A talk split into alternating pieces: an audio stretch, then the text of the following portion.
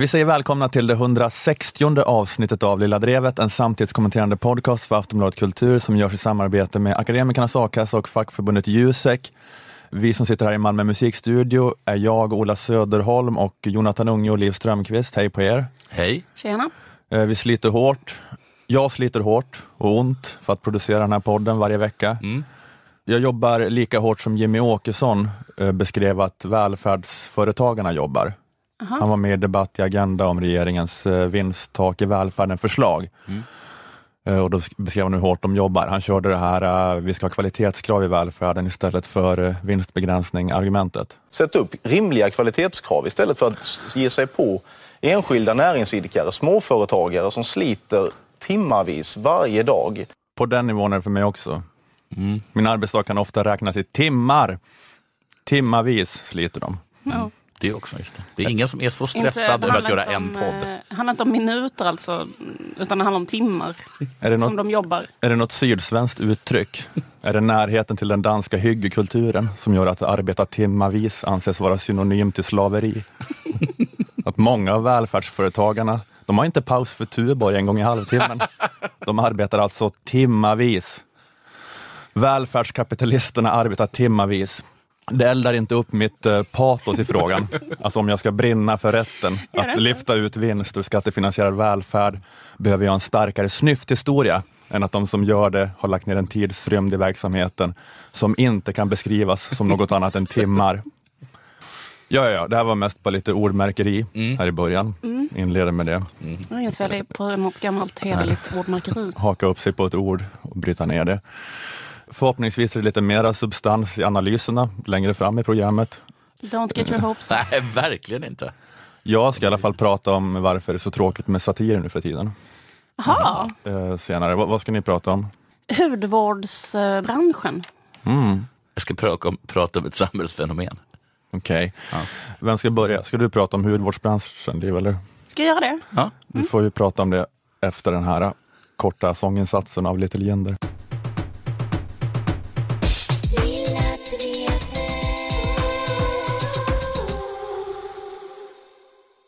Hudvård Mm. blir en allt större industri i samhället. Mm. Vet ni det? De senaste åren har, har ehm, liksom skönhetsbranschens omsättning ökat från 1,1 miljarder till 1,8 miljarder.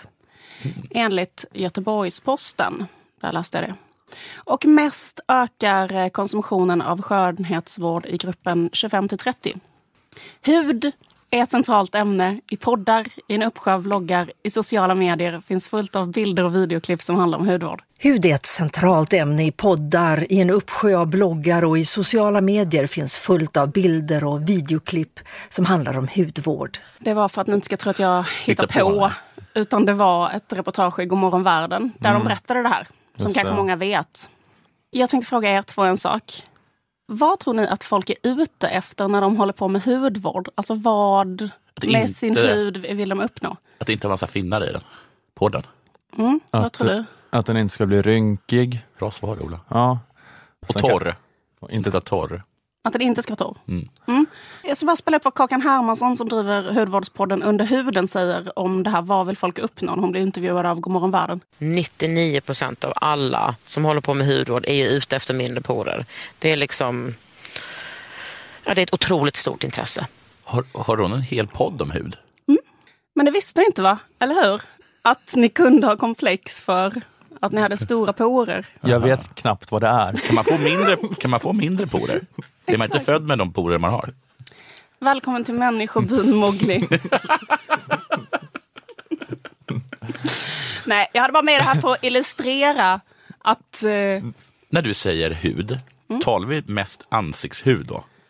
Eller talar vi hud, för det är ju kroppens största organ. just det, det är ju kanske två kvadratmeter stort. Ja. Jag tror att man pratar om hela, fast mest ansiktet kanske. Ja.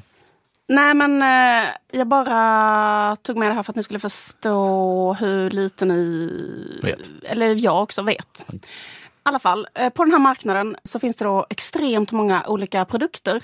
Och det finns extremt många influencers där ute som eh, håller på liksom och tipsar om sina olika hudvårdsrutiner.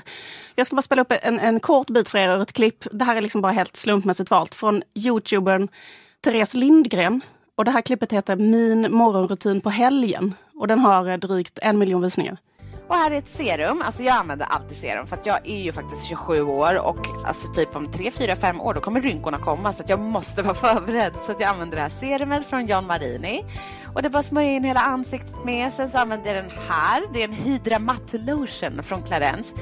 Och eh, alltså den är också jätteskön att ha på huden. Den sjunker in jättesnabbt så att man kan sminka sig direkt efteråt ifall man vill.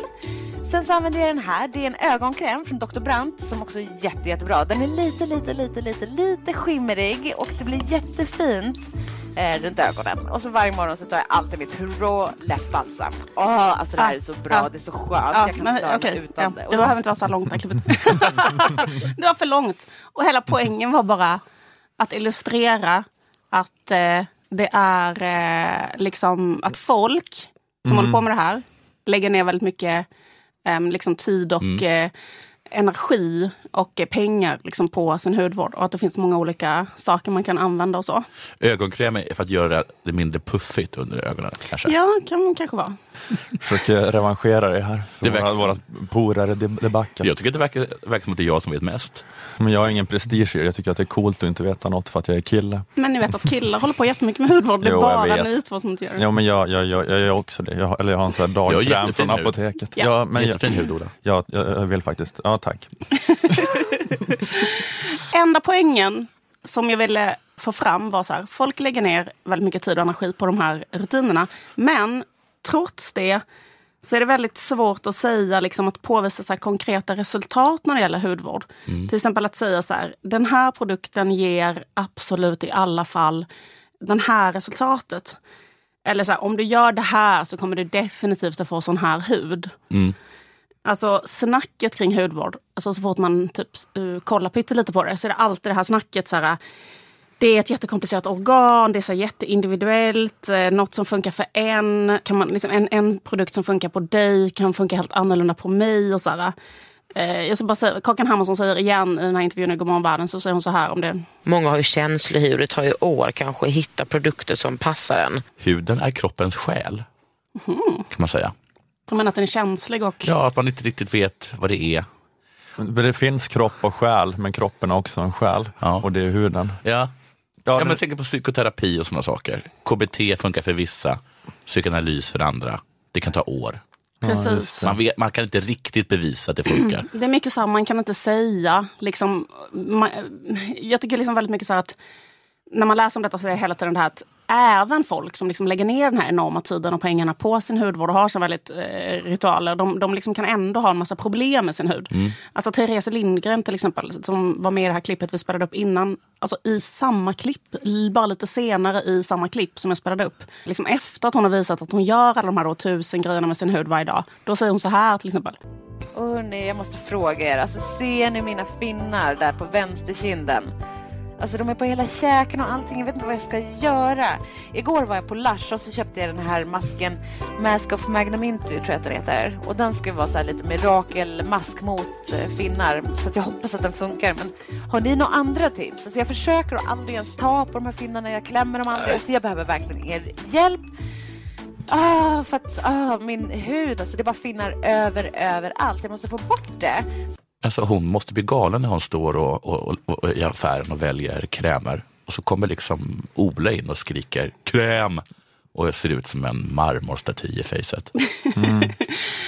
Och det finns ingen rättvisa Nej. här riktigt. Ja, men just kunskapen om hud utan att jag är så insatt verkar ju verkligen vara så att folk kan säga totalt motsatta saker. Att det finns den här Agnes Wold-linjen då såklart också, att man, du behöver inte hålla på med något.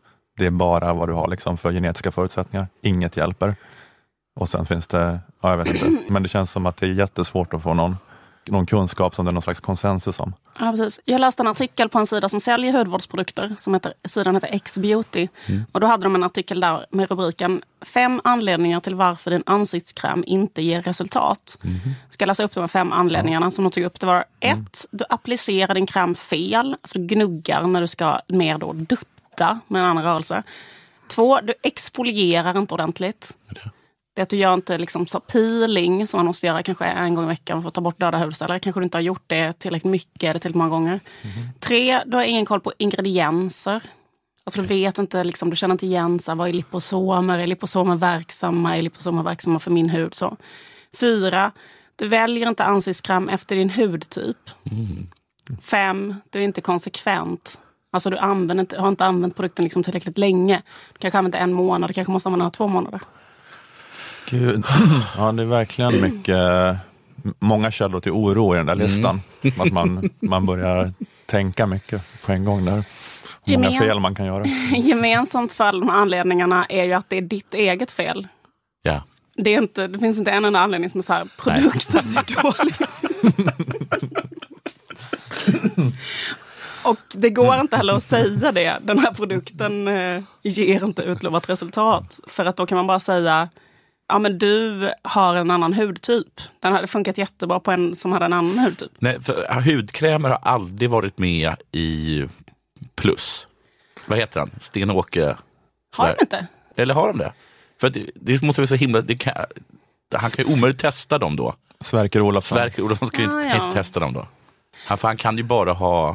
Han, kanske, han kanske inte duttade. Han kastar ner den i soptunnan, sen kommer någon och frågar honom om Ja. hans peelingvanor. Så Ja. får han ta upp den igen. Precis, Och skämmas. försöka en gång till. Sitter som Så så blir det ändå, blir det ändå inte bra. Och så får han, kommer någon och frågar om hans, liksom, eh, hur han har det med sina porer. Och så, ja. Sitter som en sån ledsen tvättbjörn som så smörjer sig själv i ansiktet. Så. Hur som helst, i alla fall. I Godmorgon Världen, som hade det här reportaget om hudvårdstrenden, då intervjuade de den tyska läkaren Jael Adler.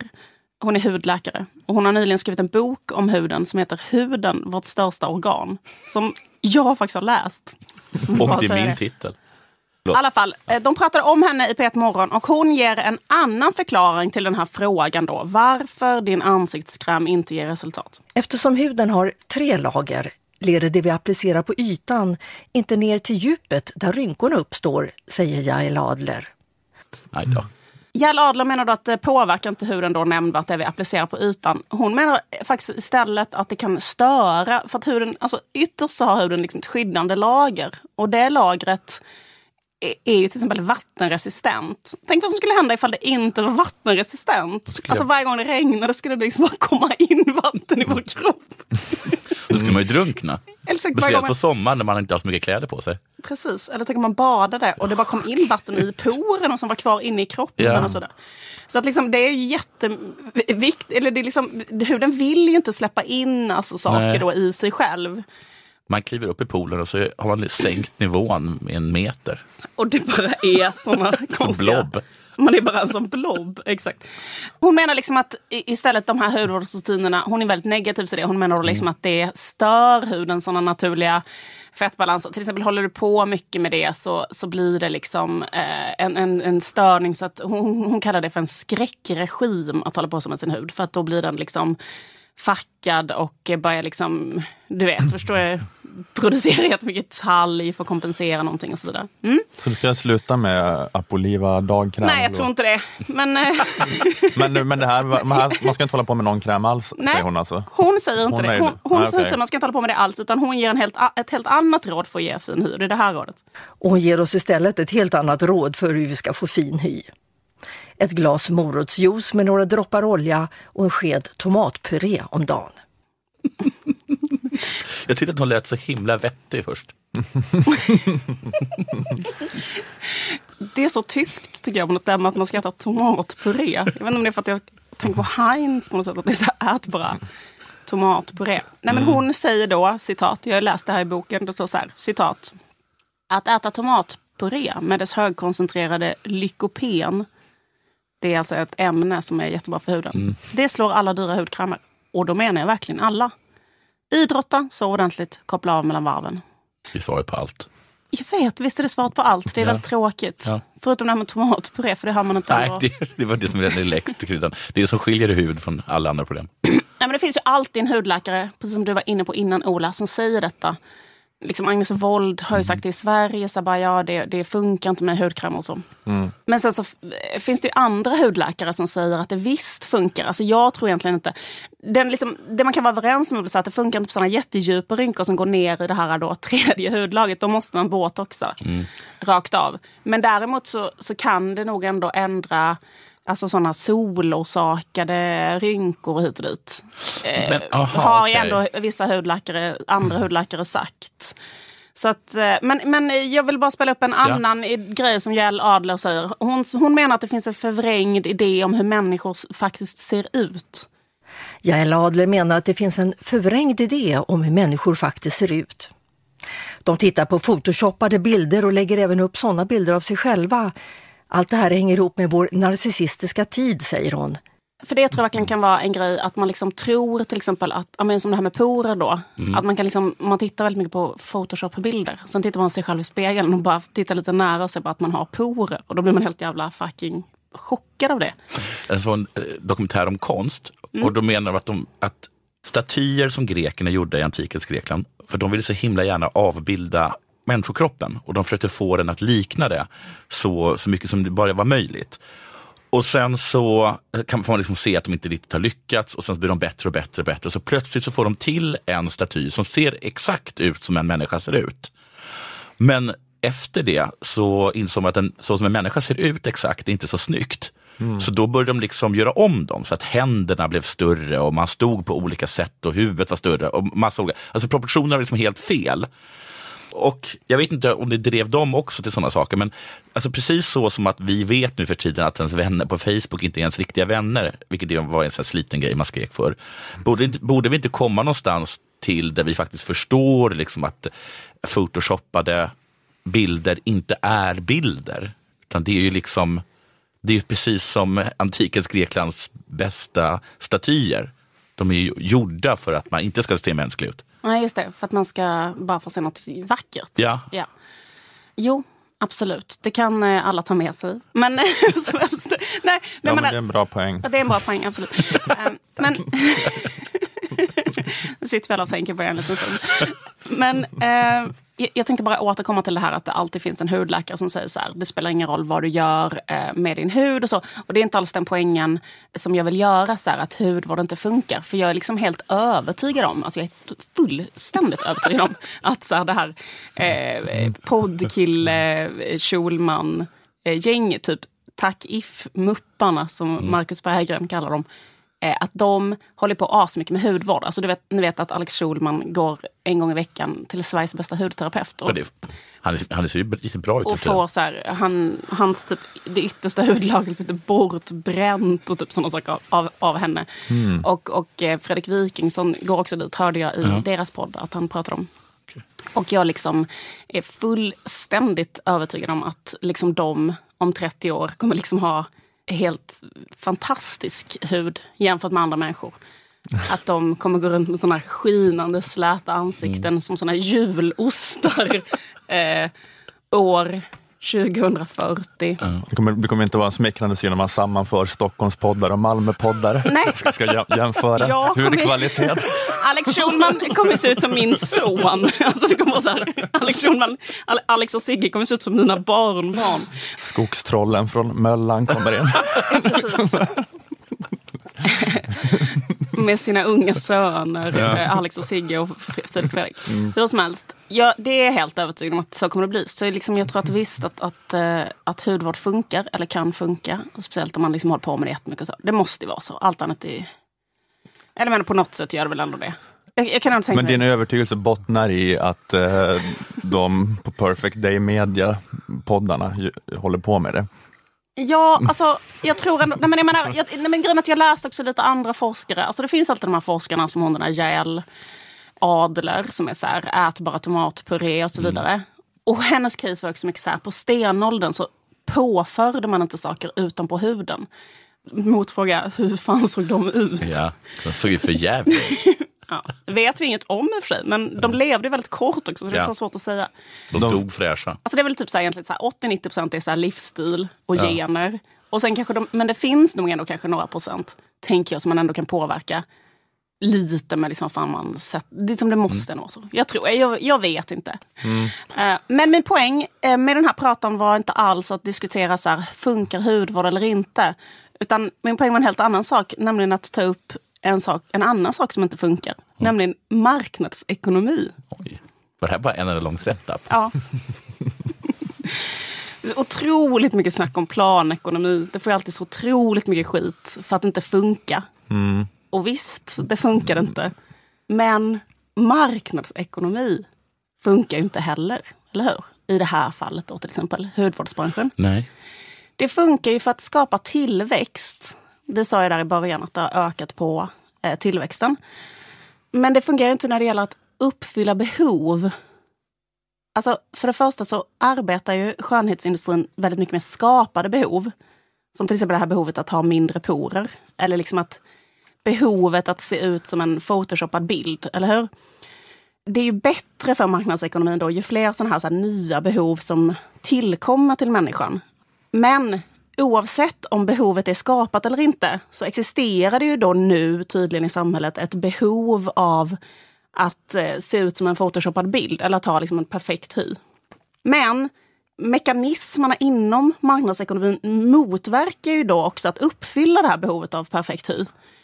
För att i en marknadsekonomisk logik så är ju inte det bästa liksom att hitta på en produkt som bara på en gång direkt bara uppfyller ett behov och gör en kund nöjd for life. Eller hur?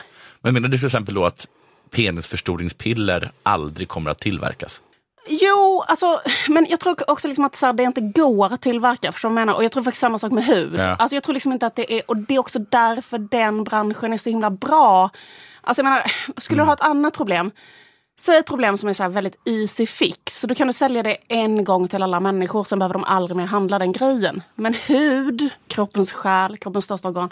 Där har du två kvadratmeter helt jävla fucking oregerlig yta som liksom kan reagera hur som helst. Och det, är liksom, det är liksom ett jättebra ställe att operera med ekonomiska intressen, eller hur? Ja. Men Det är, inte, det är inte binärt, eller man säger. Det är inte så här, antingen är det ofixat eller fixat, utan det är bara en, ett oändligt kaos som bara kommer pågå. Och Precis. det är oändligt med teorier om hur man ska lösa Det det. är som självförtroende.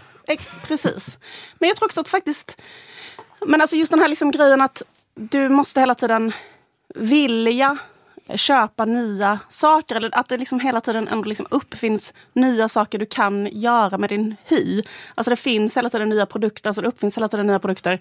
Så här, något serum eller någon pormissle. Det är liksom alltid en sån ny trend, eller hur? Och det är liksom såklart ett ekonomiskt intresse som liksom håller liv i det. Att liksom, så fort du liksom tänker att så här, något kan bli bättre med min hy.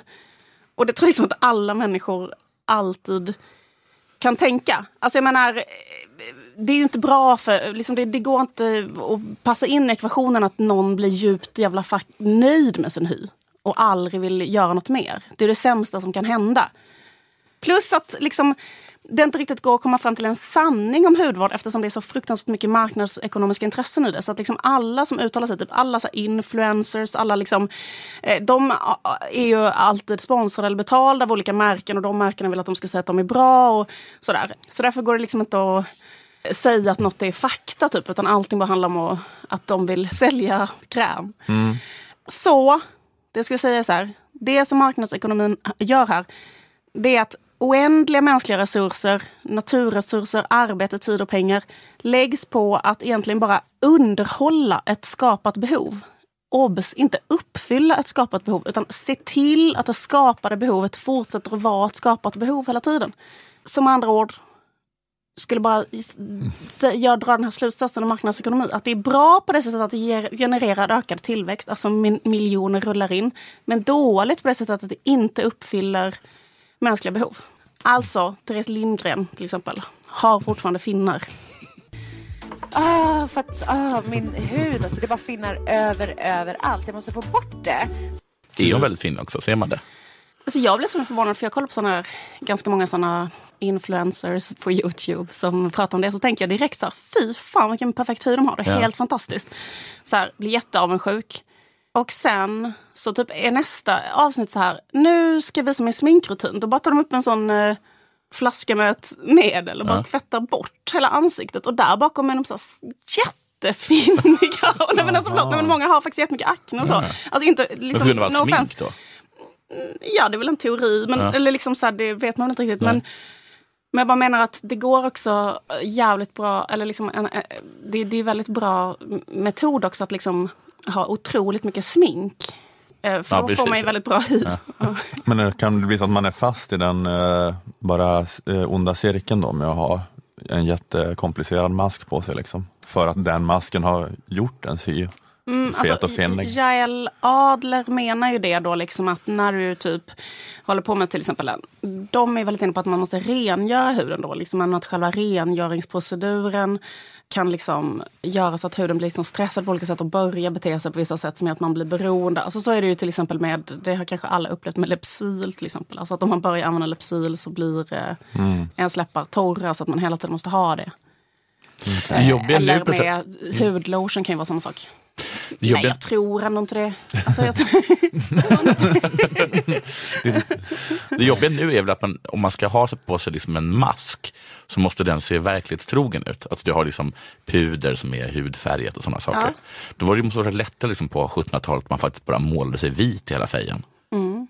Precis, det är lite grann bara som att typ ha skoluniform. Ja, Att precis. Alla ser likadana ut i Ja, ansiktet. precis. Ingen blir mobbad. Nej, exakt. Du är vit i fejan, jag är vit i fejan. ja. Och en peruk. Och en peruk, ja.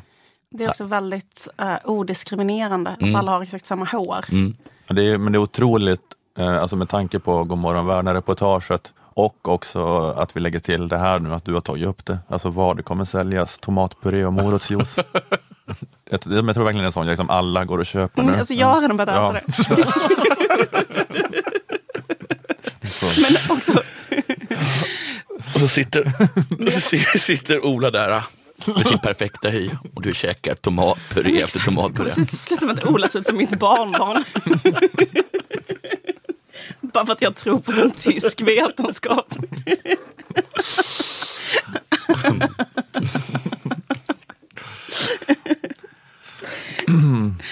Nej, men jag vet inte, men jag är liksom så här, jag vet inte varför jag liksom ändå är så pass övertygad om att det är någonting de tack if-människorna gör som jag tror är rätt. Men Alltså, det, men det är bara för att rika människor Ja, ser men jag mycket tror bättre det. ut. Ja, men de det gör ju måste det. ju vara någonting. Jag vet, det går liksom inte att riktigt att snacka bort det. Eller för det är så här bara, Men, kan inte det vara fillers och botox och sånt? Då? Det, det tror jag faktiskt. Men jag tror också faktiskt att det kan vara en sån sak. Därför att vad hon, Najal Adler, säger i sin bok väldigt mycket. Det är ju då liksom just att det handlar väldigt mycket om livsstil. Så att till exempel har du haft ett väldigt slitigt jobb där du är utomhus hela tiden och du kan inte ha sovit, vilat lika mycket som andra människor. Då, då blir du också bara mer härjad. Men Fredrik Wikingsson eh, sa du att han går i sån jättedyr behandling och han får man ju säga att han är eh, att han har väldigt bra hy. Det är faktiskt påtagligt när man tänker på hur han ser ut, att han är ändå 40 plus och han har eh, jobbat hårt, festat hårt, är småbarnsförälder liksom. Och då tänker jag också att Filip Hammar har väl, känner jag att han är kanske lite fetare hy. Ja, Han har lite, han har lite fulare hy då. han har väl inte dålig hy, Nej, inte men, men, men, dålig, men, om, men man, men, men, jag tänker att eh, på Viking, om man tänker på Wikingsson så tänker man att det är en påtagligt bra hy för den åldern. Ja. Jag tycker att han verkar vara ett argument för det, då ifall han är en intensiv krämsmörjare-person, att det ligger något i det. Att det verkar ha haft effekt för honom. Ja, precis. Alltså, grejen är också att man kan ju se tycker jag, på kvinnor och män. Alltså, att kvinnor brukar liksom smörja sig mer med kräm. Och när man Mm. ser äldre kvinnor och äldre män så är män ofta ganska så här fårade i ansiktet. Mm. Och kvinnor brukar ändå... Så sådana kvinnor som smörjer sig brukar nog inte vara så fårade. Eller har jag fel? Mm. Alltså typ att man kan se lite där. Ja, men kanske. Men sen så bry, bryr man sig inte därför att en riktig kar gör det ju inte om man har rynkor och andra Nej, jag kommer sitta i, eh, i, em, i en fåtölj, så kommer barnbarn gå förbi. Så kommer jag rycka dem, tag i dem, tvinga dem att titta på en, en rynka. Så berättar jag var den rynkan kommer ifrån. Den kom från det uppbrottet med min första fru. Men det kommer vara just att de kommer vara så otroligt släta 70-åringar, alla Stockholmspoddare och alla vi Malmöpoddar kommer vara att vi går runt och skrämmer folk Ja. liksom bara med, med hur rynkiga vi är. Här, så här, här kommer unga, han bär sitt livs bok i facet. Man kan läsa hans liv i hans ansikte. Vad vackert, Ja, men inte attraktivt. Nåja. eh, de kan ta sådana svartvita foton på sig som man brukar ta på sådana ursprungsfolk från Tibet och sånt. Att man tar alltid sådana gamla kvinnor på jättenära Ja. håll. Och så, så gör man en sån utställning. Fotoutställning med det. Alltså, så det Kan kommer ha med vara, oss tre. Alltså Malmöpoddarna. Ja, det kan vara en sån fotoutställning. Så National Geographic kommer hit. När, när Johan Rheborg tröttnar på att fota uteliggare så i Barcelona kan han göra sån vacker socialrealism om Malmöpodden. Och sen så jätte, jättestora svartvita foton och sånt jättehårt ljus på sånt, liksom sånt myller av rynkor på så här. Hans face i en bok. Eh, Simon Svensson.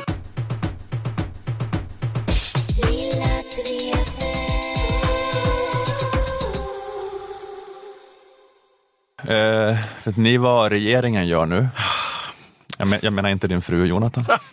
Wow. Menar, Min fru sitter hemma och spelar Sims. regeringen eh, som eh, styr landet, de utreder. De håller på med en utredning. De försöker ta fram nya regler för a-kassan Jaha. som gör att eh, fler ska klara kraven för att omfattas av a-kassan. Utvecklingen på arbetsmarknaden har gått mot fler osäkra anställningar där personalen rings in med kort varsel eller gör korta inhopp. Så grejen är att eh, de som jobbar på det här nya sättet har varit osäkra på om de är berättigade till a-kassa och osäkra på om det är liksom en bra idé att gå med. Men nya modifierade regler ska vara på väg nu. Så det är ytterligare en anledning att gå med i vår sponsor, om man kan uttrycka det så. Gå med i vår sponsor, Akademikernas a-kassa. Försäkra ditt arbete. Eh, Akademikerna säger för alla er som är, är eller är på väg att bli akademiker att vara med kostar bara 100 kronor i månaden och då får du upp till 20 000 i månaden när du står utan jobb. Och a-kassan är en medlemsorganisation som finns till för sina medlemmar och den är inte vinstdrivande. Så fler medlemmar betyder inte vinst, så därför kan avgiften fortsatt vara låg. Läs mer på akademikernas.se om hur du gör för att gå med, om hur stor ersättning just du skulle få vid arbetslöshet och om varför det kan vara en bra idé att gå med i a-kassan redan under studietiden. Vi sponsras också av fackförbundet Jusek. Är du eller är på väg att bli jurist, ekonom, systemvetare, personalvetare, kommunikatör eller samhällsvetare ska du gå med i Jusek. Då får du bland annat del av Juseks inkomstförsäkring som ger dig 80 procent av lönen upp till 80 000 kronor. Att vara med i Akademikernas och Jusek kostar 351 kronor sammanlagt. Är du redan Akademikernas medlem lägger du alltså bara till 251 kronor för att också få vara med i facket. Du kan också bli studentmedlem i Jusek för bara 100 kronor som en engångssumma. Läs mer på jusek.se student om alla fördelar som kommer med det. Tar du steget och går med i Akademikernas och snedstreck eller Jusek tack vare den här podden, meddela gärna Akademikernas eller Jusek det på något vis. Du kan också skriva om det i sociala medier under hashtag lilladrevet.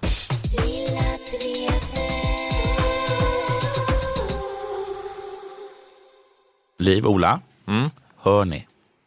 Ni lyssnar. Vad hör ni då? Ni hör ljudet från en öppen dörr. Lite DAO, eller hur? Låt oss Nej. sparka in den. Det är väl DAO? Vad är DAO? Är väl det här som att eh, ljud, vad är ljudet från en, eh, en hand som klappar?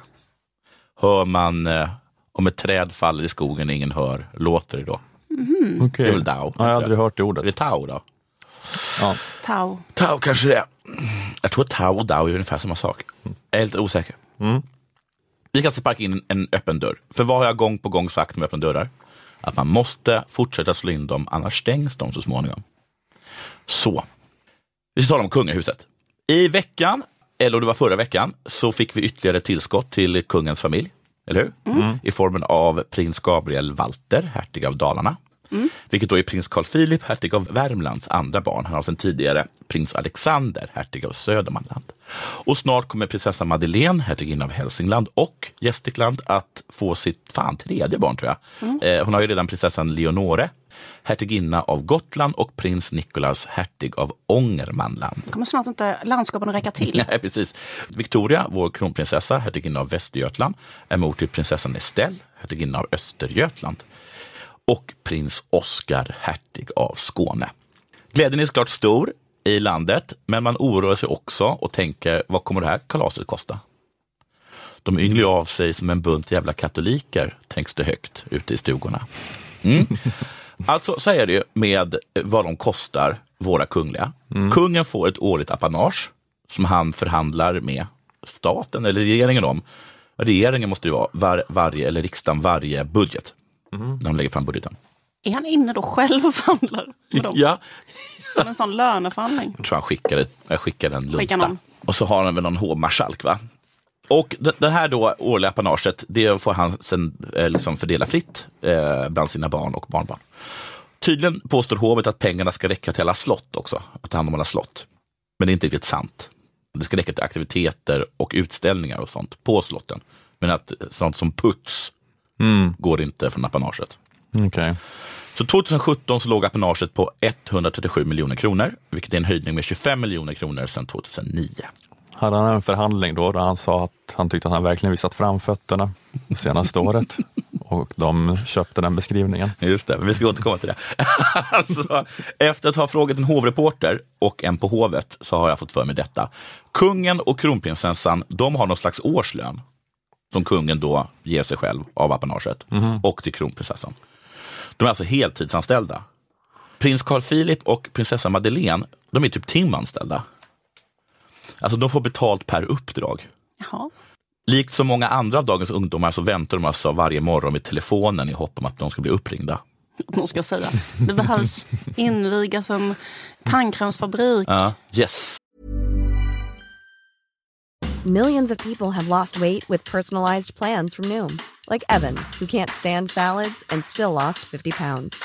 Salads, generally, for most people, are the easy button, right? For me, that wasn't an option. I never really was a salad guy. That's just not who I am. But Noom worked for me. Get your personalized plan today at Noom.com. Real Noom user compensated to provide their story. In four weeks, the typical Noom user can expect to lose one to two pounds per week. Individual results may vary. Nu, Sofia, kan vi köpa mat för dagen. Om den här dealen även kommer att gälla för kungens barnbarn, det ville lovet inte spekulera i. De var ganska direkt på defensiven faktiskt, hovet, när jag ringde dem. Utan att ha sagt någonting så började de förklara att fler prinsar och prinsessor på intet sätt kommer leda till ett större apanage. Och jag tror att de är sådär på tårna för att Liberalernas Robert Hanna, han gjorde en la fram en motion 2016 där han krävde att bara kungen och kronprinsessan skulle få apanage. Mm. För det här det ska, bara till, gå till de som faktiskt Gör något. gör någonting. Och resten får liksom klara sig själva. Men det är kungen ändå som eh, bestämmer över apanaget. Ja, hur Så- det fördelas, inte Precis. hur mycket det blir. Det får Nej. han ju bara be om i princip. Ja, precis. Men eh, när den väl har fått den här klumpsumman så är det han som avgör hur många uppdrag Carl Philip ska få. Liksom. Ja. Alltså hur mycket han Precis. får betalt. Då kan man kunna tänka sig att han gör upp ett schema som gör att Carl Philip kan få mat på bordet. Ja, just det. Men då är det liksom frågan om, om det blir allt, en allt större klan ifall eh, apanaget kommer liksom pressas upp på grund Ja. av det eller inte. Ja, precis. I Danmark har man diskuterat om kungahuset, eh, alltså att man ska la, i lag säga vilka kungligheter det är som ska få apanage. Och, och där är liksom förslaget att då kronprinsen och liksom regeringschefen, eller vad fan det heter, är de enda som ska få apanage. Hovet menar att det inte kommer bli så här, att det inte är något att oroa sig för. Hovets Jan eh, Lindman summerar detta så här. Anslaget har inte ökat för familjen expanderat, tvärtom. Nu får man mer kunglig verksamhet för pengarna eftersom nu är fler och kan göra mer jobb. Men det får inte mer pengar för det. Så man vill gå plus. Ju flera kungligheter, desto mer kungligt. Ja, för det. samma summa. Det är ju skitbra. Just det. Istället för att det är liksom 6-7 pers som är ute och kungar sig så är det 9 till 11 personer som bara är ute och, och sprider. Och kingat sig. Ja, så att, enligt hovet då så är risken noll att det kommer bli dyrare med alla de här. Däremot så kommer det gå inflation i kungligheter. Förr såg man ju dem på Skansen varje nationaldag och på tv runt jul. Men nu kommer vi se dem hela tiden. Ta en promenad på Drottningholm, kung. Strosa i Hagaparken, kronprinsessa. Löparrunda runt Djurgården, prins. Gymmet, prins. New York, prinsessa. Racing, prins. Designtorget, prins. En upphovsrättsrättegång, prins. De kommer liksom vara överallt. Eh, de kommer, det är en tidsfråga innan någon dyker upp i en ICA-reklam. Våra barn går ju i samma skola som kungabarnen. Det kommer bli en vardagsfras. Just Alla det. kommer ha en prins och prinsessa. Sen kommer det också, tror jag, att sänka, om det nu så har varit, värdet på att ha en kunglighet som beskyddare. Mhm. Eftersom det finns så himla många kungligheter som kan vara beskyddare för olika saker. Kungen är ju till exempel beskyddare för föreningen Skog och föreningen Bevara ringmuren. Och det här är ju någonting som de har Och Är den eh, utsatt för, finns det några som eh, vill riva den? Sångsällskapet Orfei Drängar. De har kurat upp under liksom kungens beskyddande vingar. Är det liksom en officiell titel? Att det, Ja, om, kan- om man går in på. Orfeus Drängar Ja. hemsida så står Ja. det vår beskyddare i kungen Ja. någonstans. Okej. Svenska Rotary-rörelsen oroar sig inte för framtiden. De är under kungens beskydd. Och då kan ni bara tänka er vilka dumheter de andra sagt ja till. Prins Carl Philip är passande beskyddare av Dyslexiförbundet. Men liksom även årets kock. Kronprinsessan är beskyddare för Riksförbundet sällsynta diagnoser. det är, en, det är en, ett årsmöte man skulle vilja gå på. Eh, när Victoria blev ihop med prins Daniel, då höjdes det liksom lite oro, speciellt efter att hon nästan döpte sitt barn efter eh, chips. Så var, gick folk ut och var oroade och varnade för att eh, kungahuset håller på att bli vanliga. Och nu är det så att det håller de på att bli, fast i snarare i form av kvantitet. Ja. Det kommer bara finnas så himla många av dem. Så kungligheter är inte vanliga, men det är väldigt vanligt med kungligheter. Just det.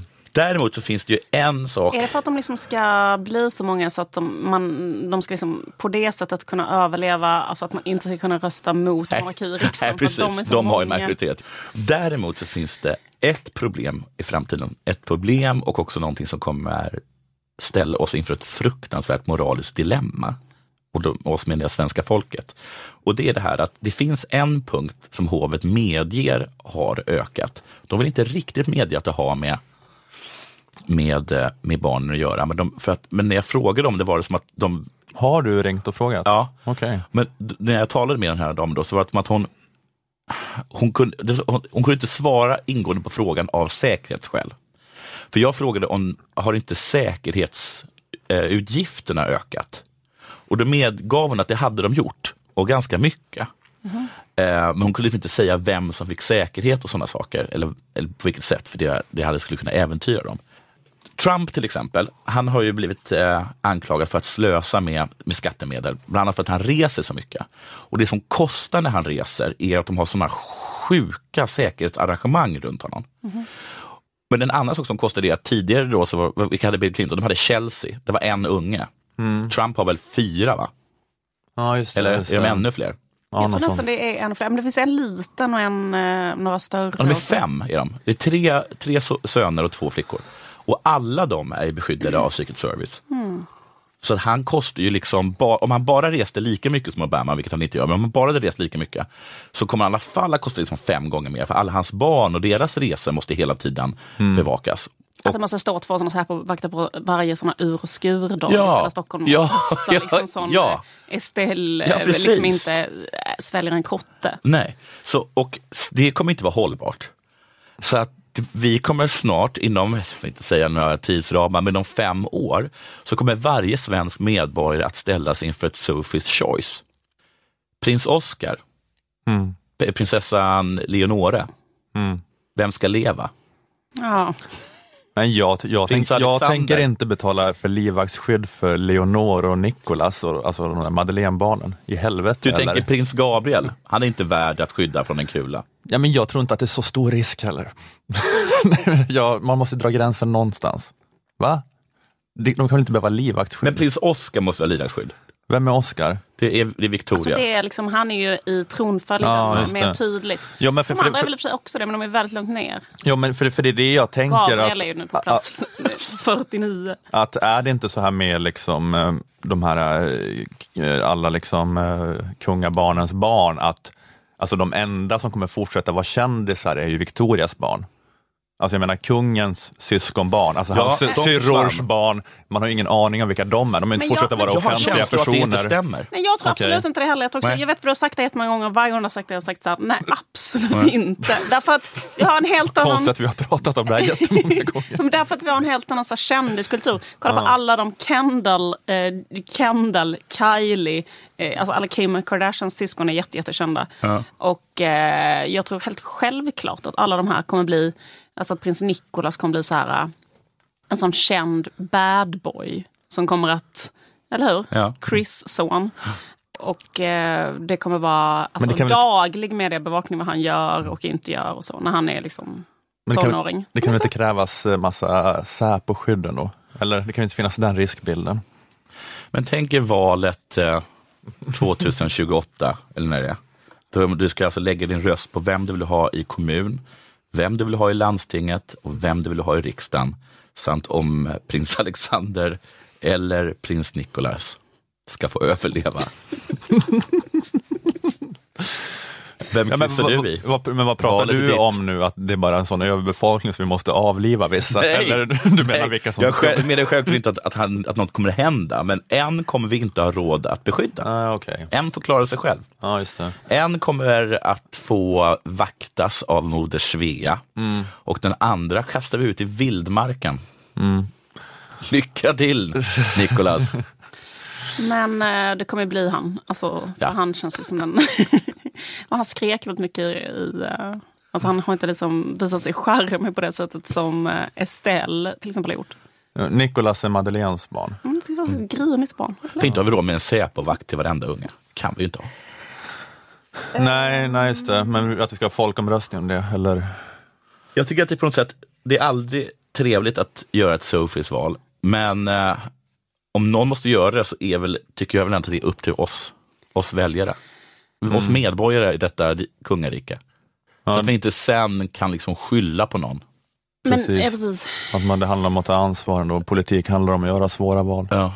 Men det du, du tänker ska hända med att de bara ska bli så här blodtörstigt avrättade Nej. av någon som... Nej, men att det är någon som vill det. För jag tänker mer att de skulle kunna bli typ kidnappade. Och ja, så. det skulle de också kunna bli. Ja.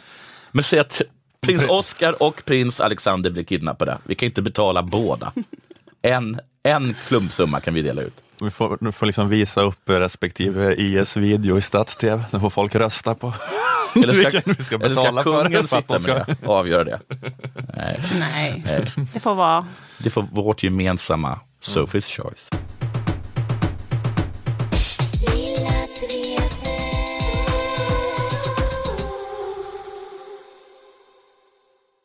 Okej, det här jag ska prata om nu är inte så roligt. Det är mer då teoretiserande om roligt. Mm. Jag såg en video eh, på den här stora amerikanska liberala, jag vet inte vad man kallar det, Vox, en mediesajt, en Det nyhetstidning. dyker upp ibland Ja, på Youtube. ja, men de är också, det är också liksom långa reportagetexter och så. Men det, det här var en video i alla fall. Late night comedians have become rock stars in the Trump era. He's treating the Chancellor of Germany like a drunk guy masturbating in a subway car. Between Samantha Bee, John Oliver, Colbert, Myers, SNL, comedians are playing a big part in how we talk about politics. Trump does have a tendency to lie his ass off. Jag har bara funderat på det här, varför jag, som brukade vara ett jättestort fan av amerikansk late night, bara tycker att det är eh, outhärdligt tråkigt nu i Trump-eran. What makes satire such a powerful antidote to Trumpism isn't that it's funny. It is not possible that millions of people voted illegally and nobody noticed. It's that for satire to work, it has to be able to point out what is ridiculous and absurd, to cut through talking points and endless panel discussions and describe the world as it really is. Ja, men att det enda jag känner när jag ser den här Vox-videon är att jag stör mig på den här eh, Bror Duktig-liberalen Ja. som ser ut som en parodi på Brooklyn och jag vill bara att, jag vet inte vad jag vill, att, Kat- att Katarina Janouch ska twittra något elakt om honom. Jag vill bara att det ska hända något, även om det som händer är fascism. Men det är inte problemet att det funkar så himla dåligt. Det, är det, som, det här har bevisat att satiren absolut inte funkar. Ja, det är också just det att han är så nöjd med Ja. vad som pågår. Det här, liksom, den här kören som bara maler på, att han tycker att det, det går så bra. Det här eh, monotona Trump-hånandet. Nej, men jag, jag bara funderar så här över var den här mattheten kommer ifrån inför allt eh, Trump-dissande då. Men också att man kan se det här eh, som att det är samma grej i Sverige över hela västvärlden. Att hela det här eh, jag vet inte, vänsterliberala dissandet av alternativ media och högerpopulistsfären. Att även om man ofta kanske håller med om att det som satiriseras, att det är förskräckligt, så känner man ändå nästan i första hand att, att det är liksom uppläxningen som känns eh, nedlåtande och narcissistisk och oempatisk. Och kälkborgerlig och intellektuellt orörlig. Vad betyder käl- kälkborgerlig, menar du nu? Ja, att, det, att, det, att, det känns, att det känns konservativt på något vis. Att det känns konservativt. Den här kritiken utav det konservativa då. Eller att man är en sån här, jag, jag vet inte om kärlekborgerlig var rätt till. Eller? Kärlekborgerlig är väl typ att man är så här lite hysterisk, eh, hålla efter uppförandekoderna, Ah, ja. Mm. Mm. eh, Och lite livssill. Kälkborgerlig. Men har ni inte hört det? Inte det Jo, till- men vad, vad, kommer, Jo, jo. vad menas med kälk? Alltså kälke? Ja, Vi vill göra om det här till ett sånt eh, program som är så här, Sprack. oh, var kom det ifrån? Okej, fortsätt du. Eh, I min jakt på svar på varför jag känner så här hittade jag en artikel på Slate av Andrew Kahn som också håller med, då om, han håller med om att alla late night satirikerna är tråkiga nu. Och artikeln har rubriken Trump och hans troll har inte dödat komiken. De har bara dödat vår samtidsdumma idé om vad komik är. Eh, Han skriver att många gjort poängen att Trump är immun mot satir för att han är så här postsanning. Huruvida Just han ljuger spelar ingen roll. Han svarar inte inför sanningen. Eh, Så att det blir så, här, så tomt att bara hålla på och belägga honom med lögner hela tiden. Så därför har då många ansett att komiken har förlorat en av sina viktigaste krafter, förmågan att krossa lögner. Eh, Men Andrew Kahn menar att vi måste ställa oss frågan hur komik fick den förmågan till att börja med. Eller fick den rollen till att börja med. Han menar att den här kopplingen mellan comedy och honesty är ett mycket mer modernt fenomen än vad vi tror. Att vi råkar bara ha vuxit upp i en tid då comedy blivit märkligt uppbundet med sanning och dygd. Han skriver att hörnstenen i American humor, colonial humor and frontier humor and the literary humor of Artemius Ward and Mark Twain is the tall tale, the sane anecdote. Alltså den skabrösa skrönan, eller om man ska översätta det Mm. kanske. Alltså, för länge sedan var den skabrösa skrönan det som var comedy. Det, det, ska, den- det ska brösa, the zany anecdote that tests the trust between speaker and hearer. Sometimes you know you are being told a tall tale, in which case you may be watching a stand-up set, and sometimes you don't, in which case you may be reading fake news.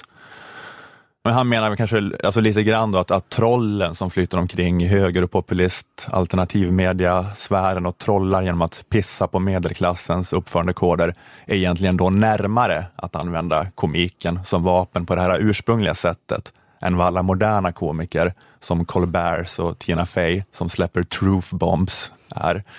Att de är närmare något slags ursprungligt trickster-ideal. Att deras ambition är inte att respekteras intellektuellt av något kulturetablissemang, utan deras ambition är att trolla, att vara störande, att provocera, att vara hänsynslösa pranksters.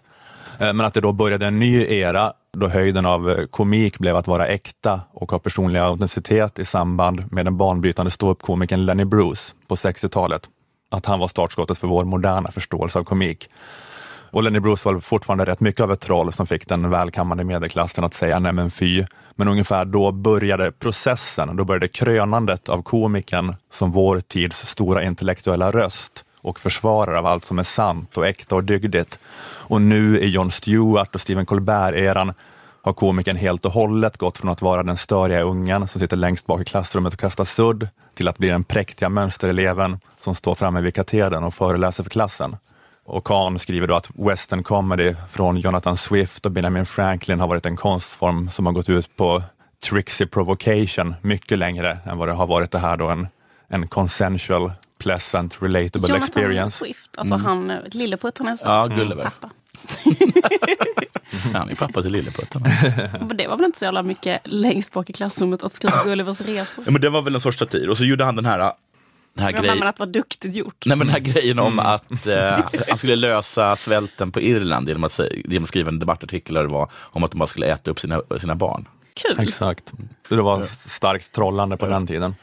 Då satte de eh, kaffet i vrångstrupen i de fina salongerna. Men det är också det här då, det consensual och pleasant, relatable experience, att det är också en stor del av problemet eh, som man skriver om, att det är det här predikandet för kören.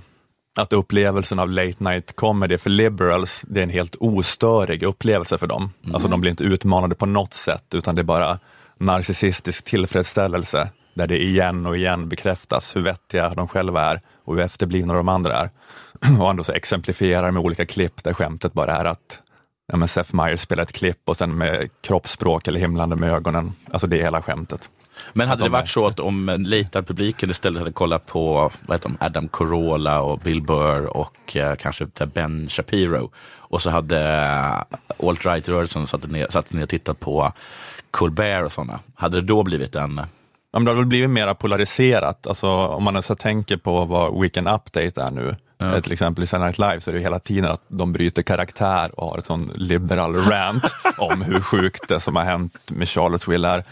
Men jag menar, där har de ändå haft såna ankare, alltså så här Norm Macdonald, Ja. Dennis Miller, alltså de har ju varit så störig, alltså de har ju bara haft en så allmänt störig, vanvördig, Ja. mig äger ingen-attityd, Ja. som förmodligen alla, hela America har kunnat störa sig på vid liksom olika tillfällen. Att, men att det är det här äh, totala liksom, mitt lag och deras lag Men det är nu. den här stämningen så liksom att nu har det blivit så extremt. Alltså för att det är ju ändå en skillnad då liksom att Trump har blivit president, att det är så pass sjukt ändå. Mm. Jag menar att det är liksom ändå liksom en, en stor skillnad från liksom alla som tidigare har varit president för att han är så pass mycket mer av en eh, out-person, en loose cannon. Så det har liksom blivit att de har typ tagit... De, De har liksom så här- tagit platsen från, alltså den störiga killen är ju Vita huset nu. Ja men precis exakt, de har Mm. inte bytt. Och, och Exakt. då är de så här... Och så sitter den tråkiga, liksom välkammade ja, men liksom, eh, politikern i tv-rutan istället.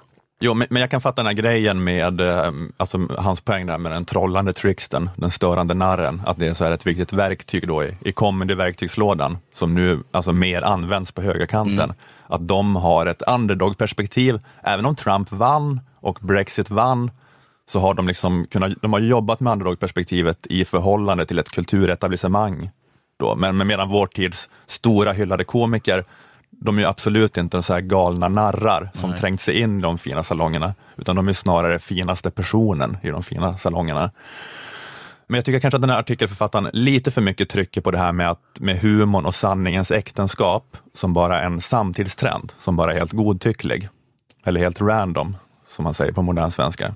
Menar att, det här att, att det här att det är roligt för att det är sant, jag tycker ändå att det stämmer också. Det är väl jättegammal, Kejsaren är naken. Precis, att eh, det är att det är bara att han så här, kör lite lögner är roliga egentligen, Ja. men vi har trott att sanning är roligt nu. Men jag tycker att, att, det här, att, att det är roligt för att det är sant, att det stämmer ju ofta, men det, gör att det stämmer inte om man berättar samma sanning igen och igen för en publik som redan håller med. Man måste ju hitta, alltid hitta en ny sanning som adderar något, eller en sanning som utmanar den gamla sanningen lite grann. Eh, Förlåt för jag, för jag tycker det låter väldigt tråkigt att berätta en lång skröna. Jag tycker det låter som en mardröm. ja, ja. Jag kan Men- tänka mig värre än en mustig skröna som comedy. Du, Jonathan sitter ju här, så sitter du och pissar på hans standup. Passivt aggressiv stämning här. Det lät som en riktigt stor fisk jag fångade. Så kom upp i hatt och Men hatten var en mössa och mössan blev en tomte. Och... hoppa upp på ryggen sa han. Så åkte vi upp till månen. Nej, jag skämtar bara. Eller? Eller gjorde jag det? Eh, Nej, men det är väldigt tråkigt. Eh, Alltså, Grejen är väl att, det är lite så här det här som du brukar prata om, att det är skillnad mellan, eller liksom att man blir så väldigt aktivistisk. Alltså det är skillnad i att vara liksom en aktivist och att vara en, eh, typ en intellektuell person. Att det blir så här, som att man hela tiden upprepar någonting som kanske alla redan vet. Mm, att liksom den här mm, aktivistiska grejen tar sig in väldigt mycket i comedy som kanske annars då vill, eh, eller Ja, i, som, som i sin bästa form kanske då kommer på något nytt som ingen har tänkt på innan. Men att det liksom det uppfattas som ett så himla viktigt värde att hela tiden upprepa En så vissa viktig egentligen sanning. väldigt självklara saker. Så här, människor är lika mycket värda kanske eller något sånt. Bara för att man upplever att det är så utmanat Just nu, ja just precis. nu. Så Men- känner man att man ändå måste säga det hela tiden, hela tiden, hela tiden, hela tiden och då blir det tråkigt. Här är igen ett klipp då från Vox-videon som då hyllar den moderna amerikanska satiren. people think of satire as very partisan, but the point is that satirists are after good rational thinking. What you see that the satirists have that would be lovely to see in the basic news media is this sort of defensive reason. Mm, de är så himla bra satirikerna då för att de bara jagar det sunda förnuftet och rationaliteten. Och att det är den här då fetischiseringen av rationalitet, av normalitet, att det är kanske en stor del av det här problemet, varför det är så outhärdligt tråkigt. Att eh, det är enligt en annan artikel, jag hittade i min jakt på svar, en artikel i något som heter Paste Magazine med rubriken Lecture Porn, the vulgar art of liberal narcissism, skriven av Emmet Martin Penny. Och han är, han är en sån amerikansk vänstersnubbe, men han har då skrivit att eh, liberals ägnar sig åt lecture porn, föreläsningsporr, som Daily Show, Colbert, John Oliver, Aaron Sorkin tv-serier. Föreläsningsporr för att tillfredsställa sitt narcissistiska behov av att känna sig bättre än idioterna som inte förstår grundläggande fakta. Och det leder då till att man fetischiserar rationalitet och sunt förnuft. Men det finns ingen politisk neutralitet på det viset. Alltså det finns inget facit för vad som är Nej. det normala och vettiga och sanna. Men det är utgångspunkten för den här satiren, att kan alla bara bete sig normalt så löser sig problemen. Kan vi bara återgå till det helt apolitiska liberala status quo? Att Jon Stewart och Stephen Colbert, de anordnar ju så här rally for sanity till exempel. ja, men det är bara, bara var normal, att vi, så, att vi återgår till det här Mm. apolitiska, neutrala. Att det liberala tillståndet är någon slags av Gud givet naturtillstånd. Jag kollar på, på, på Ben Shapiro och sådana saker, jag ty- tycker de är himla bra. Men, men vad heter det? Men är han någon lite mer konservativ? Eller Ja, lite, konstigt, jättekonservativ. Ja. Ja. Han är väldigt konservativ. Men han har, i det gänget liksom så finns någon, jag kommer, jag kommer inte riktigt vad han heter, men han är någon, någon sorts kanadensisk eh, snubbe som då är mycket så här anti, vet du, social justice warrior och sådana saker. Men vad hans grej är i alla fall att han, han menar att det finns så himla många som stör sig så himla mycket på den här den uppläxande eh, liberaler eller, eller, eller vänstern. Men att, så att de, han menar att de direkt då hoppar till att bli eh, alt-right. Mm. Och hans, hans, vad heter det, hans, hans budskap är då att man kan absolut hata det här, men det behöver inte gå hela vägen Exakt, exakt. att bli Trump-supporter. Liksom. Ja, ja Det måste precis. finnas en, en mitt. Precis. Jag ska också komma till det. Men, ja, eh, Men eftersom det här uppfattas som mitten, så blir det så, om man då ska förhålla sig mot det som folk stör sig på, som då anses då ska vara mitten, så är det ju tvungen att bli en alt-right. Ja men det är lite där i brist på någon annan som gör motstånd mot Ja. det här som man blir galen på. Så är det alt-right. Ja, nej men, eh, men att eh, Johan Hakelius eh, skriver om, om liberals, eller man kallar ju inte det i USA då, men alltså det vänsterliberala etablissemanget, den kosmopolitiska klassen, eller vad man ska kalla det, i sin text eh, i Fokus, en, en text med rubriken Ska vi vaska demokratin, som kom för någon månad sedan. Men att han- han skriver om det här, det här, liksom det här status quo, det är bara sunt förnuft, eh, liberals. Han skriver då citat, eh, deras politiker är de som är duktiga på att berätta vad som inte går att göra. Varför företag inte kan eller bör hindras från att flytta. Varför skatten varken kan höjas eller sänkas. Varför det inte går att stoppa migrationsflöden. Åtminstone inte förrän man måste göra det. Varför man inte kan lagstifta bort tiggeriet. Varför enskilda stater inte har någon egentlig suveränitet, ingen egentlig makt. Varför makten, om den flyttas till överstatliga organ, i första hand bör användas till att se till att inga överilade beslut tas på lägre nivåer. De vill inte ha någon större förändring. Ur det har växt en sanning om att inga större förändringar är möjliga. Slutcitat. Eh, och den här Emmett Martin Smith skriver då i den här lecture porn-artikeln att, att, liksom att, att högern förstår att det här handlar om intressekonflikter. Men vänstern, eh, om man då ska kalla liberals det, de tror att det handlar om rätt och fel i någon slags nästan gudomlig bemärkelse. Och här i då, ligger då den nietzscheanska distinktionen mellan hate och contempt, skriver han. Mellan hat och förakt. Att du hatar någon eh, som du ser som en jämlik fiende. Högern hatar vänstern, medan vänstern känner förakt för högern. Vilket betyder att de är arroganta. Och arroganta människor är i allmänhet lata och oförmögna när det kommer till empati. Och om du inte kan ha empati med människor kan du inte förstå dem. Och om du inte kan förstå deras syn på världen kan du inte vinna över dem eller besegra dem, skriver han. Men det är då den här känslan av att eh, satirikerna och eh, kanske de så här kulturradikala i allmänhet, att deras svar på högertrollen är att sluta eh, vara intellektuellt sökande och prövande och rörliga och självironiska och anarkistiska och istället då bli försvarare av någon slags status quo och den enda vägens politik. Eh, den borgerliga kulturjournalisten och författaren Thomas Engström skrev en argsint krönika i Access i våras om varför han ett halvår tidigare i protest eh, sagt upp sig från Expressen Kultur. Och hans attacker, den är inte så här på Expressen just, utan på svenska kultursidor i allmänhet.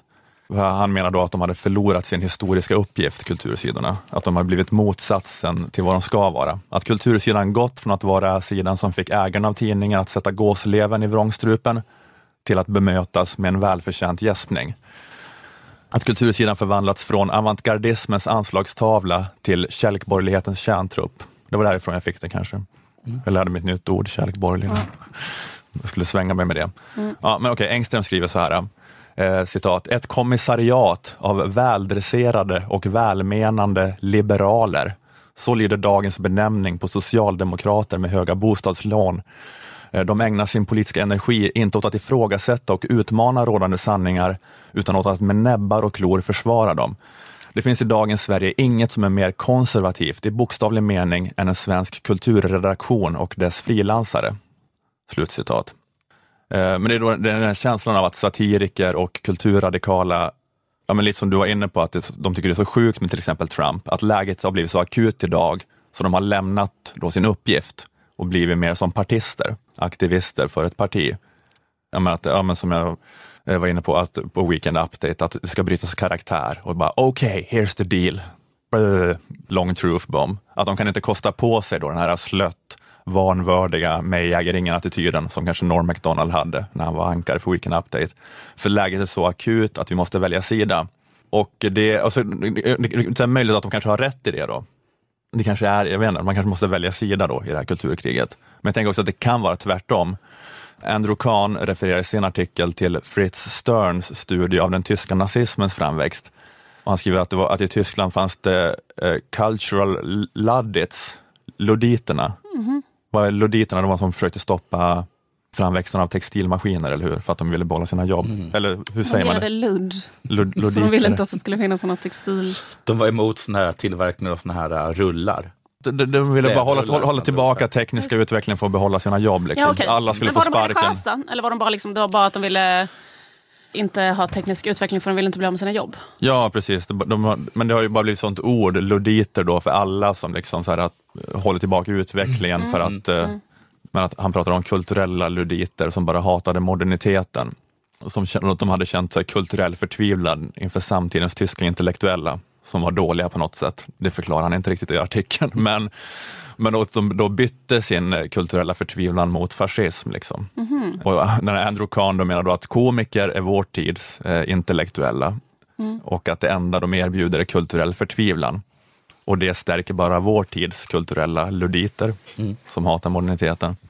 Alltså jag menar just det att om man släpper hela det här äh, subversiva tänkandet, eller om man ska säga till högertrollen, att de är det enda alternativet. Alltså om, om till exempel kultursidan ser det som sin uppgift att bara fortsätta försvara segrarna de vann 1968, igen och igen.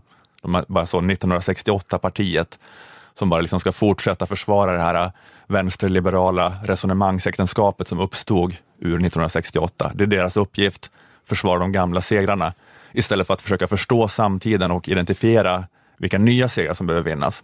Alltså om man stelnar på det viset, om man bara kör Carl Johan De Geers jävla kuken på svenska flaggan-bild. Att det är, är det, det är Malcolm Chiune som har varit inne på den spaningen, att det har blivit inverterat idag. Att hela Carl Johan De Geers gamla skända flaggan från 1967, om man delar den i sociala medier den 6 juni, mm. så är det det kälkborgerliga och etablissemangiga man kan göra. Men att dela en svensk flagga bara, bara en svensk flagga är det subversiva och provokativa. Och det betyder inte att det är så jävla subversivt i sig att dela en svensk flagga. Men om det är det enda alternativet, att om de som är så här förment kulturradikala och progressiva, om de är så arroganta och så övertygade om sin egen självrättfärdighet, så ovilliga till intellektuell rörlighet och omprövning, att de bara igen och igen behöver basunera ut den eviga sanningen, skända flaggan, den liberala världsordningen, Alltså den kulturella förtvivlan man känner inför det, alltså kan ju då snarare uppmuntra folk att vända sig till det enda motståndet. Alltså jag menar bara att motivet till att bete sig så här mer partistiskt och plakataktivistiskt och vara försvarare av den gamla ordningen, det är att stå upp mot fascismen. Men att man då hamnar i den här icke-lyssnande, arroganta, intellektuellt förstelnade liksom påsen och då snarare ökar man risken för att driva människorna i armarna på fascism. Om det liksom är det enda alternativet till den enda vägens politik och kulturell förtvivlan. Så att jag menar bara att de, de, de, de gör saken värre kanske. Man kan tolka det så. Så förstår enda, ni vad jag menar? Jag förstår. Så den mm. enda räddningen är att folk går på min stand-up show där jag berättar om min fru som är ett gammalt stenbrott. När, jag åkte, när jag åkte på roadtrip med en lövsångare och en, och en gammal damtrosa. Precis. Fast jag menar ändå att det är roligt för att det är sant, men ja. att man måste vara mera liksom beredd och eh, ompröva, hitta den nya sanningen hela tiden bara. Mm. Att man har stelnat då i i att eh, försvara någon slags... Uh, ja. Ett exempel på det där, mm. bara, det är till exempel den här grejen att så här, när eh, så kallade Sverigevänner och, och liksom, folk inom högern började säga så att eh, det, det, finns no-go-zoner, till exempel i förorter, eller att det mm. har blivit en kollaps på ställen. Liksom. Så började liksom alla inom då det här vänsterliberala etablissemanget säga så här, nej, det finns inga problem i Sverige. Alltså det, de är inte några gåzoner. Känner ni igen detta? Mm, mm, mm. Och det väl liksom ett exempel på det att säga så här. Uh, alltså istället för att jag tänker då liksom att så här, vänsterns uppgift är väl ändå att säga liksom, i förorten finns det jättefattiga människor som lever jättedåligt och det måste vi ändra på. Mm. Alltså de, vänstern, kan ju inte stå och säga allt är bra i landet. Nej, precis, Alltså, man måste, det- måste, måste säga att, Alltså, problem, nej, men att problem, menar- ja, problemet finns, men vi ser det på ett annat Ja, sätt. ja, vi ser det på ett annat sätt. Liksom, vi tycker vi ska lösa det så här. Vi tycker, liksom, du vet, så här. Men det de har sagt, liksom, de får ju säga det, alltså, det kan man väl göra i sömnen om man är vänster. Typ så här, eh, det beror på de rika. Liksom, eller hur? Eller hur? Mm. Det måste vara fördelningspolitik. Någonting sånt där. Men istället så har, har liksom så himla många inom då, också då, de här de radikala satiriker, bla, bla, bla, säger ofta då det här Alltså det de driver med är så att folk säger att det finns problem. Så här, Nej, för att det finns inga problem. Så. Det, Mm. det är väl liksom ett exempel på det. Ja, verkligen. Det är väldigt tydligt. Så då blir man liksom bara så försvarare av vad? Av en så här jätteorättvis liksom, eh, eh, samhällsordning där liksom folk eh, har det skitdåligt och, ja, och har fått det mycket sämre också de senaste 20 åren. Liksom, att man kan se att folk i företag har fått det så här skitmycket sämre och hit och dit. Liksom, det, det kan man ju se i siffror, liksom, att det har ökat klyftorna och hit och dit. Så Ja, det är liksom inte så här, eh, ett, ett påhitt att de har det dåligt. Liksom. Alltså skillnaden mellan så fattigaste och rikaste områden i de stora städerna har ju liksom ökat med så här 200 procent sedan 1990 eller någonting. Men då är det, ja precis, men då ska man bara hålla på och eh, Det blir liksom att man eh, så här bara high-fiver, eller så här typ att man, att man plötsligt står på laget allt är bra i landet. ja, Eh, Alltså det finns inga problem. high five Wallenberg kör vi nu. För att, det, för att det, det är folk som håller på och trollar på Twitter. Så nu kör vi high five Wallenberg.